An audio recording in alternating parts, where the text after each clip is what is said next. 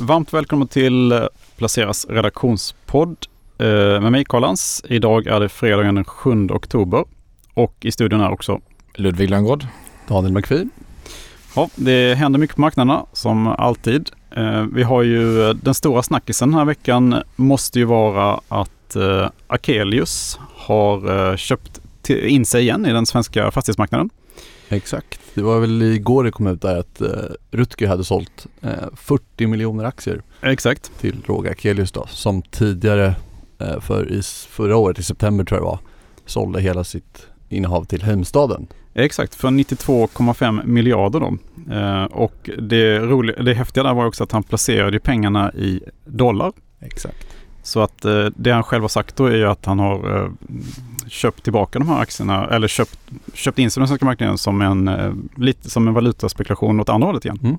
Han har växlat in sina dollar mot svenska kronor och köpt Castellum. Ja, har han eh, då eventuellt har han tagit liksom, eh, han sålde på toppen förra året och kanske nu också gör han en perfekt valutaspekulationsaffär mm. då. Otroligt. Ja, det är helt otroligt hur man kan ha en sån timing faktiskt. Mm.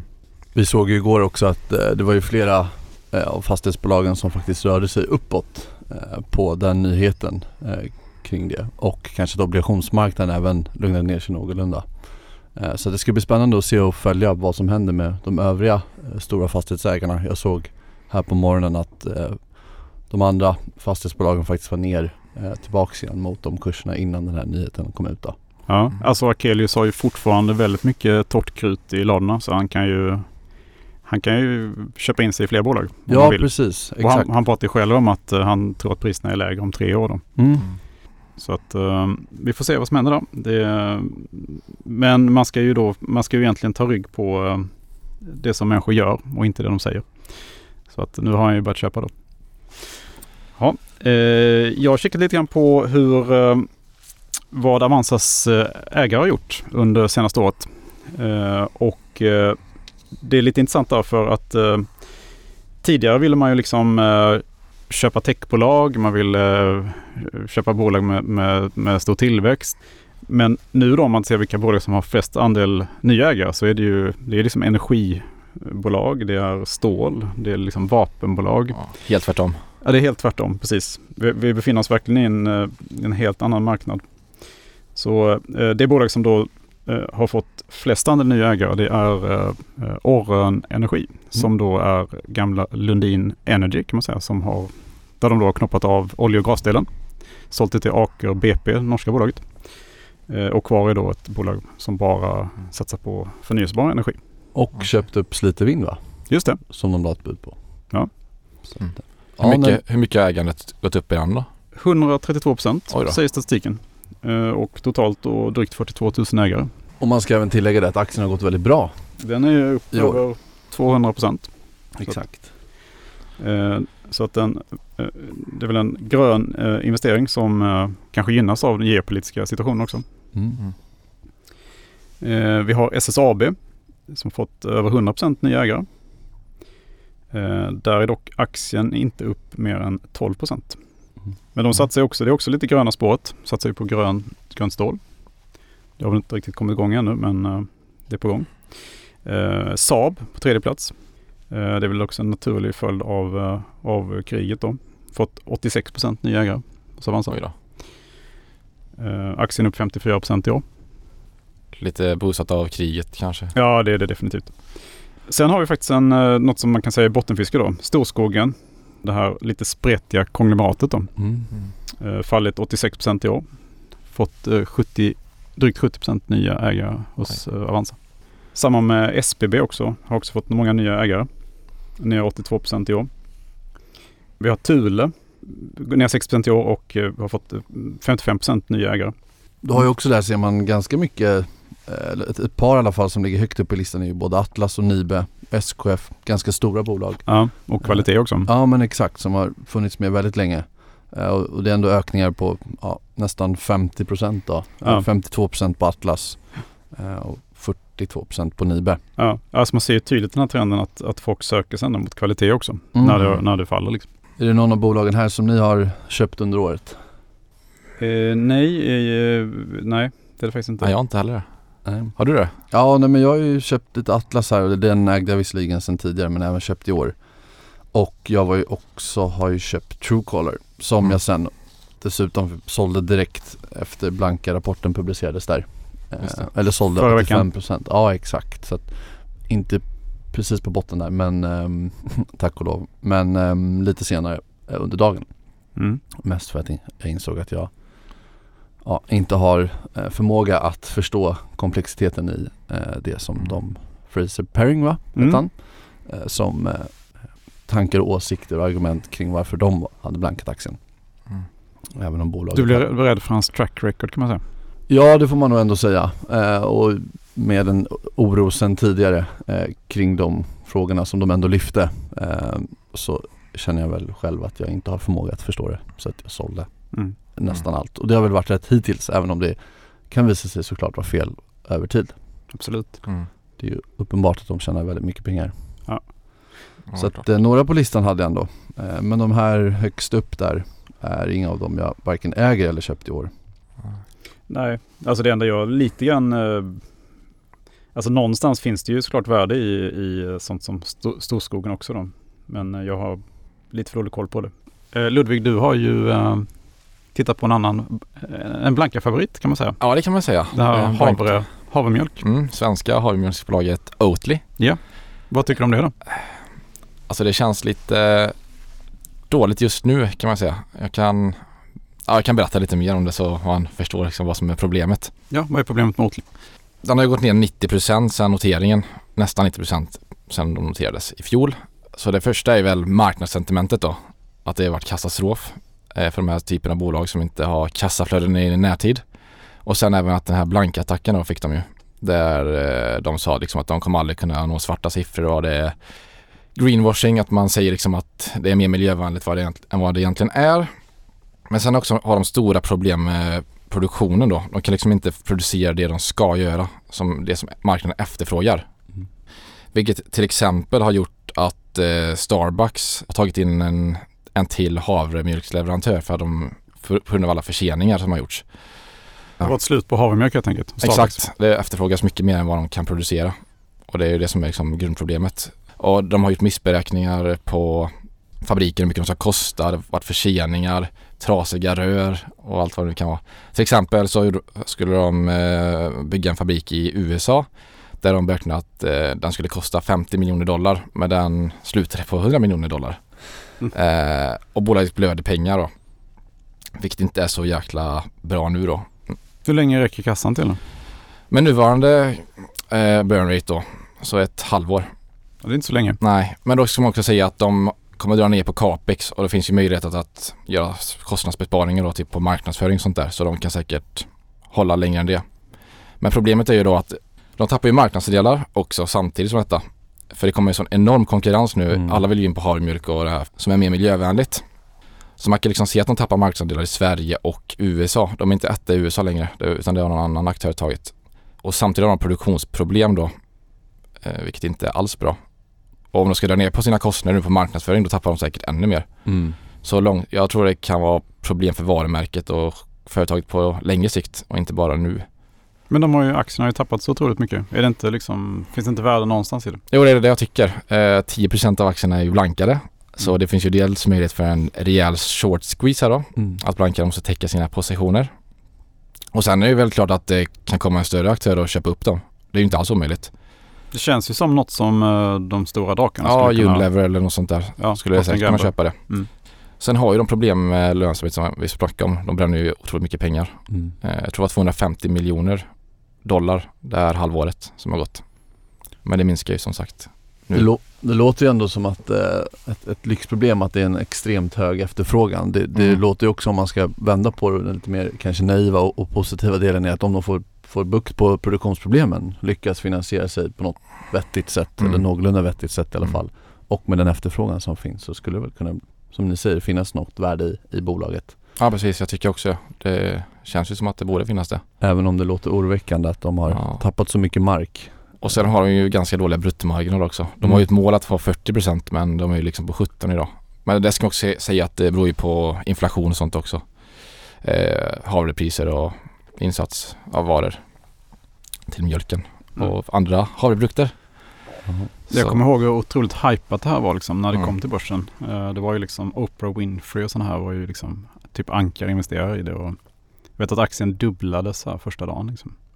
Just Sen- det. Har det väl varit en väldigt stor framgångssaga om man ser vad de har gjort under den perioden de inte varit noterade. Från första början ja. Ja, absolut. exakt. Ja, det har det varit, de har ju liksom tagit det här havremjölken och gjort det till en stor grej. Mm. Ja, så det det ska de De verkligen var väl först för. egentligen. Ja. Så, nej, avvakta tror jag blir på den just nu.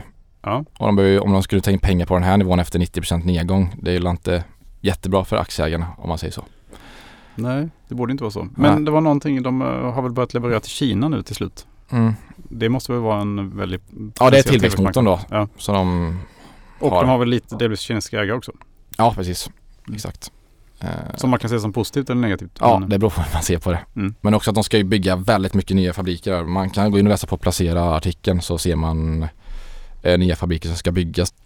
Ja, men eh, investmentbolag har ju varit eh, i ropet länge och eh, det börjar väl bli lite eh, rabatt i många bolag. Du har tittat på ett lite mindre investmentbolag. Mm, precis, framförallt så har väl, ska man säga att premierna kommit ner. Det var ett tag där som många av investmentbolagen handlades till en premie, det vill säga att du betalade mer för de underliggande än vad du kunde handla om. Eh, och jag tittar på Svolder som jag tycker är ett väldigt bra alternativ.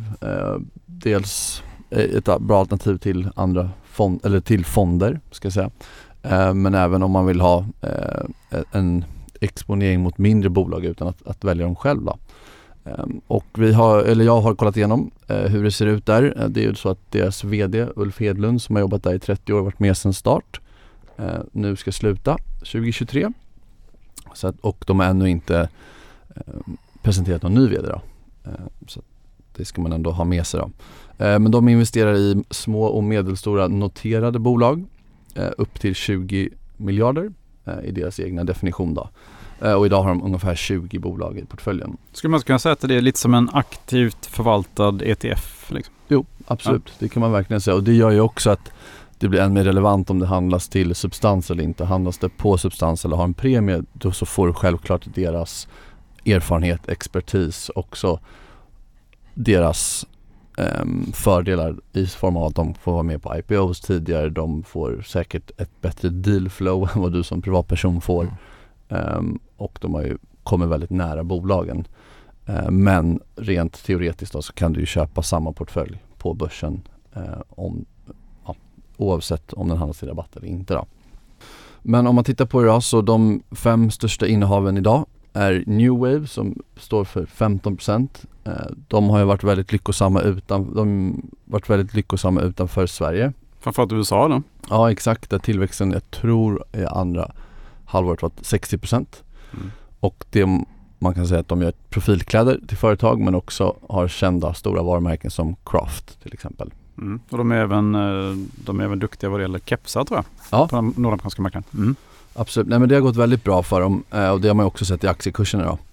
Ehm, sen är Troax är ett stort innehav som jobbar med ehm, eh, galler kan Mm. man säga. Ehm, Det gillar du va? Ja, det får man nog säga. De kallas för, eller nätpaneler är egentligen det rätta ordet, i stål då. Eh, Och det kan användas i fabriker, förråd och har blivit väldigt stort framförallt då i USA där de automatiserade lagren har byggts ut för e-handel då under 2021. Och det man ser nu då är att det har bromsat till, eller brom, tillväxten har bromsats något eh, för att de ser att sina kunder har överinvesterat under 2021 Mm. eh, och sen också har stålpriserna påverkat marginalerna då, eh, eftersom att allt görs i stål. Men eh, det är en väldigt nischad och, och, och på, så, på ett sätt simpel produkt men man, eh, när man läser mer om bolaget så förstår man hur eh, världsledande och de är och att det faktiskt är lite mer komplext än vad det kan se ut på ytan. Hur stor del av fonden är Troax? då? Eh, 8% ungefär idag. Mm. Eh, så att det kan man säga de fem största innehaven är ungefär drygt 40% av sålda. Förutom Troax och New Wave så har vi också Garo, Elanders och Encon. Eh, och de står också för ungefär 7-8% av eh, substansen. Då. Och av dem så måste jag också tillägga Encon. Även om det är idag väldigt dyrt så är det ett väldigt intressant spännande bolag också ganska nischat. Vad gör de för något? De jobbar med det som kallas för tiltrotationen i grävmaskiner. Vilket är väldigt smalt men det är som man kan säga att eh, grävmaskinens handled. Och det gör att eh, grävmaskinen kan användas på fler sätt, på ett säkrare sätt, lönsammare sätt och, och enligt dem då hållbarare sätt. Mm. Eh, och den marknaden förväntas växa nästan 30% årligen utanför eh, Norden kommande fem år, tror jag det var. Mm. Och de har idag en 45% i marknadsandel. Så att springer man runt här på stan och kollar på grävmaskiner så kan man ofta se att det står Encom på dem. Mm. Eh, och det är alltså deras produkter. De noterades i förra året. Och det funkar att sätta på på alla olika typer av grävmaskiner? Eller är det... Det är min uppfattning. Det har ingen grävmaskinsexpert. Säkert inte alla men eh, De flesta? de flesta får vi nog utgå från. Mm. Eh, Så att, nej men det var som sagt den är- handlas väldigt dyrt då. Jag tror att det är P strax norr om 30. Mm. Så att det är inget billigt men de har en väldigt stor Den marknad handlas för på den tillväxt som den förväntas ha helt enkelt? Ja det får man nog säga. Har du någon Eh, favorit här då i Svalers portfölj som du tycker ser extra intressant ut? Så eh, jag gillade mycket Troax får man ändå säga. Jag äger inte den själv. Den har också kommit ner väldigt mycket. Den är väl nästan ner 70% i år. Oj. Ehm, just på grund av att då ska man också säga att den kom från en väldigt hög värdering eh, i början av året. Eh, och nu har den ju kommit ner väldigt mycket. Även om förmodligen tillväxten kommer mattas av eh, så tycker jag ändå att det är en intressant produkt, stabil affärsmodell, bra historik och lönsamma. Även om marginalen har pressats nu då. Sen är man ju självklart imponerad av vad New Wave har gjort. De är inte särskilt dyra om man ser till P talen de ligger runt 10-12 där. Mm. Så att, eh, Jag tycker alltid den har varit billig så att säga. Även alltså om man kollar långt tillbaka också. ja. Alltid varit en aktie som har Det var ett lite för billig allt tycker jag. Mm. Men nu handlas Svaler runt en premie då. Nej, ja, det är Jag tror några, jag kollade det innan. när jag började titta på det så var det ra- några procents rabatt och nu mm, tror jag några procents premie då. Eh, så att det är ju, jag skrev det där, det är ingen stress kanske att köpa det men om man vill ha en sån typ av exponering mot mindre bolag så tycker jag ändå att det är ett bra alternativ. Äger du den själv eller? Nej, inte ännu. Nej, För Eh, att eh, det jag både. Ludvig och jag äger Ja. den. ja. Så att, eh, Ja, jag det har kommer ju utdelning här nu i höst också. Ja just det, de höjde Mm. precis. Mm. ja, det kan man ju säga. De har ju haft en väldigt bra historik när det kommer till utdelningar och har Mm. för ambition att höja utdelningen över tid. Och Mm. det har de också gjort senaste åren. Ja, det är otrolig resa alltså. Eh, Jag tycker det är, jag har lagt den i min tjänstepension. Den ska liksom förhoppningsvis ligga där utan att göra något väsen av sig. Eller göra fint väsen av sig. Ja, det, Mm. det tror jag den gör. Men Mm. jag tänker nog lite samma sak där. Långsiktigt eh, småbolag i Norden liksom. Så bara De har man- bättre koll än vad jag De har har. bättre Liksom, koll än vad man själv har precis. Jag gillar ju USA mer så då håller jag sig mer Håller koll koll på det istället. Ja. Techbolagen liksom. Ja, exakt. ja men Karl, du har väl snackat, eller kollat lite på det här, vad var det? Restaurang, KFC och de här? Eh, ja, uh, Yum Brands har jag tittat lite på. Eh, det är ju då, de äger ju um, varumärken då som KFC, Taco Bell, Pizza Hut och eh, nu senast då Habit Burger Grill. Eh, och om man ser de här fyra då bolagen så är det ju eh, KFC som är störst, störst. De står för lite drygt 40% av omsättningen. Och eh, KFC är också då världens näst största snabbmatsmärke efter McDonalds. Taco Bell är dock det som faktiskt växer snabbast just nu. Eh, Så de med en tillväxttakt på ungefär 10% första halvåret i alla fall. Mhm. Eh, Pizza Hut då står för ungefär 15% De har faktiskt haft lite negativ eh, omsättning då första halvåret i år. Men det tror man beror lite grann på pandemin faktiskt. Att eh, de gynnades väldigt mycket av pandemin också så det är svåra jämförelsetal. Liksom. Och om man då tittar geografiskt på eh, hela bolaget så är eh, ungefär 55% av omsättningen i USA då. Mm. Men eh, det är ju på tillväxtmarknaden som nya tillväxten ska Mm. komma då. Så att eh, det intressanta är ju, är ju då liksom att dels har, det här, dels är de då, har de ju stabil omsättning från USA men, eh, men de ska kunna växa ganska kraftigt då i resten av världen. Bara se på ett sånt bolag som KFC då. eh, De öppnade sin första restaurang i Malmö 2015. Och det finns bara fem restauranger i Sverige då än så länge. Okej. Mhm. Så att ja, bara sånt, till och med ett sånt land som Sverige där borde det finnas ganska mycket tillväxt eh, för Yum Brands. Och deras varumärken. Pizza Hut har väl annars funnits ganska Pizza har länge inte här funnits längre. Det har absolut gjort. Är du själv frekvent besökare av någon av Eh, restaurangerna? jag åt senast på eh, KFC på, eh, det var faktiskt i Tirana. Eh, Jag var i Albanien för någon vecka sedan. Mm. Eh, och det roliga med just Tirana eller Albanien är att de har ingen McDonalds då. Okej. Men de hade Mm. KFC då. Så att det var lite så jag fick, eh, blev intresserad av att eh, kika på bolaget också. Ja. förstår. För att det är ju så här, det är ju väldigt så här klassiska varumärken. Det här är liksom amerikansk eh, matkultur kan man säga. Mm. Eh, som du får då som ett eh, Ja, som en fond egentligen ju. Mm. Eh, och alla de här bolagen är ju grundade då någon gång på liksom ja, 50-60-talen liksom. Brukar ju vara populärt. Ja, exakt. Hur har aktien gått då? Eh, aktien har gått ganska svagt faktiskt tycker jag. Eh, den eh, ligger väl eh, flat på tre år ungefär. Eh, men eh, nu tycker jag den börjar se intressant ut. Eh, de har ju då som mål att totalt växa med 4-5% per år ungefär. Och vinsten nästa år ska då stiga med 14%. Mm. Vi har en direktavkastning på 2%. P-tal på 20. Så att jag tycker det här är liksom, det här är in, intressant bolag att ha i den långa portföljen. Mm. Absolut. Men Ludde, du tittade ju på det här med havremjölk. Du nämnde ett annat bolag där, Starbucks va? Ja, precis. Jag tog en kik på Starbucks också. Det är världens största kafékedja. Ja. Har väl gått helt okej på börsen nu. Lite svagt nu det senaste, som allt annat. De har ett börsvärde på 100 miljarder dollar och i fjol omsatte de 28,5 miljarder dollar. Eller under rullande 12 månader ska man säga.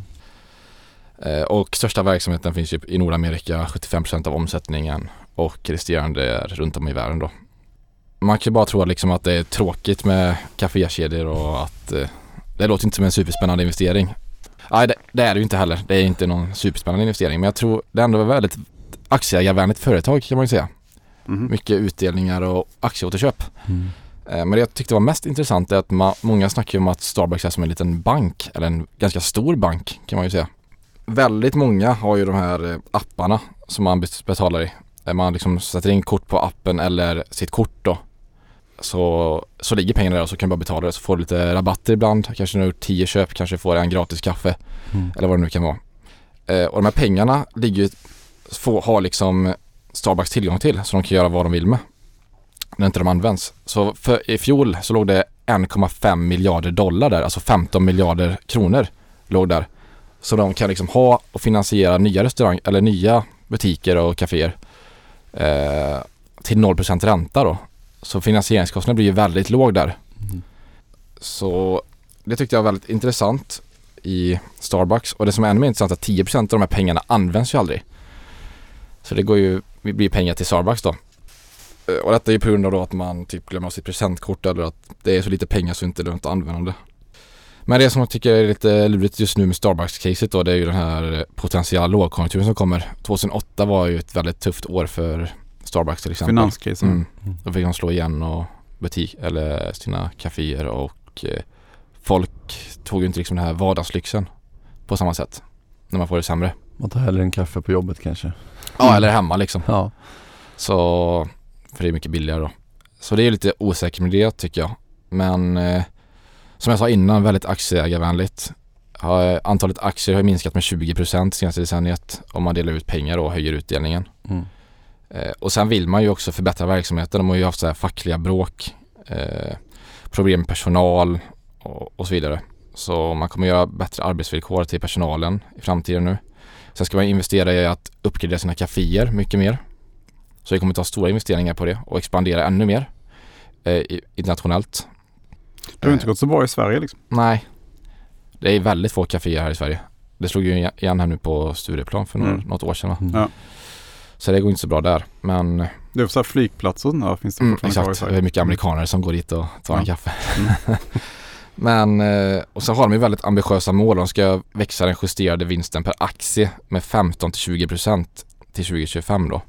Och jag vet inte om det kommer gå liksom i en sämre konjunktur. Sen vet vi aldrig vad som händer så Nej. Och hur är det med, med aktieåterköp tänker jag också. Det, det kommer ju en skatt här eh, ja, det är också efter lurigt. årsskiftet ju. Mm. Mm. Så det är också lite lurigt då med det. Ja. Så, Den är väl också relativt högt värderad va? Ja, precis. Det är ju P30 typ på innevarande år. Ja, okej. Så det finns ju fallhöjd ifall det skulle inte växa på lika bra Nej. de kommande åren här om det blir lite sämre tider. Men annars fint och bolag. Kanske Ja. bra för en ut, utdelningsinvesterare som vill ha aktien på lång tidshorisont. Och parkera pengarna i dollar. Exakt, Mm. exakt. Om man vill göra det nu då, dollarn är så hög. Det är Ja, nu har frågan. ju Akelius då som är eh, en, eh, en timing-människa av rang liksom. Och gör ju tvärtom liksom. Mm. Så det säger väl något.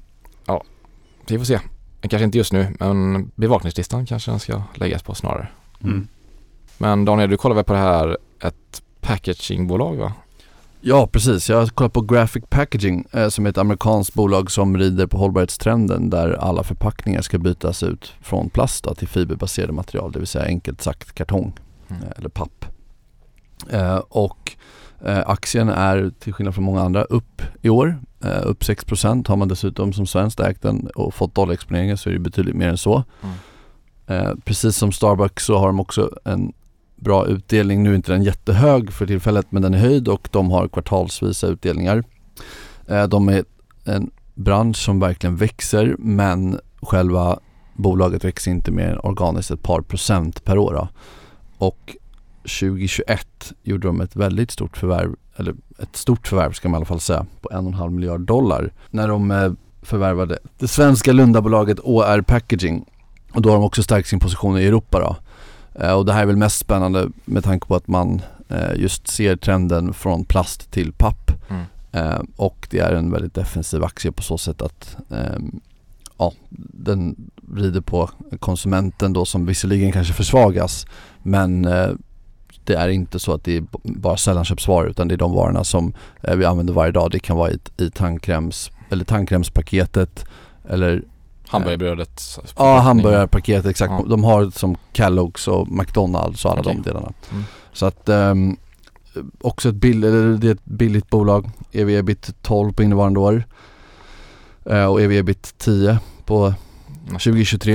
Eh, däremot så som vi var inne på tidigare med den starka dollarn eh, och den här typen av verksamhet så visserligen om det ska vara väldigt långsiktig kanske inte har någon större betydelse. Mm. Men det är absolut en aktie som kan vara värd att, att bevaka. Mm. Men är inte skuldsättning ganska hög i bolaget? Precis, det ska man också ha med sig. De, I och med förvärvet av OR Packaging och andra förvärv under 2021 så har skuldsättningen ökat till fem gånger ebitda. Och eh, de säger visserligen att de ska ta ner eh, skuldsättningen eh, till 3,5 gånger ebitda under å- slutet av året. Och, men de har som långsiktig målsättning att ligga på 2,5 till 3 gånger. Eh, så att just nu har de en hög skuldsättning men kassaflödena ska väl förhoppningsvis beta Mm. ner den delen. Mm. Så att, nej men verkligen ett, ett spännande bolag som rider på en enorm trend eh, och som lär fortsätta också.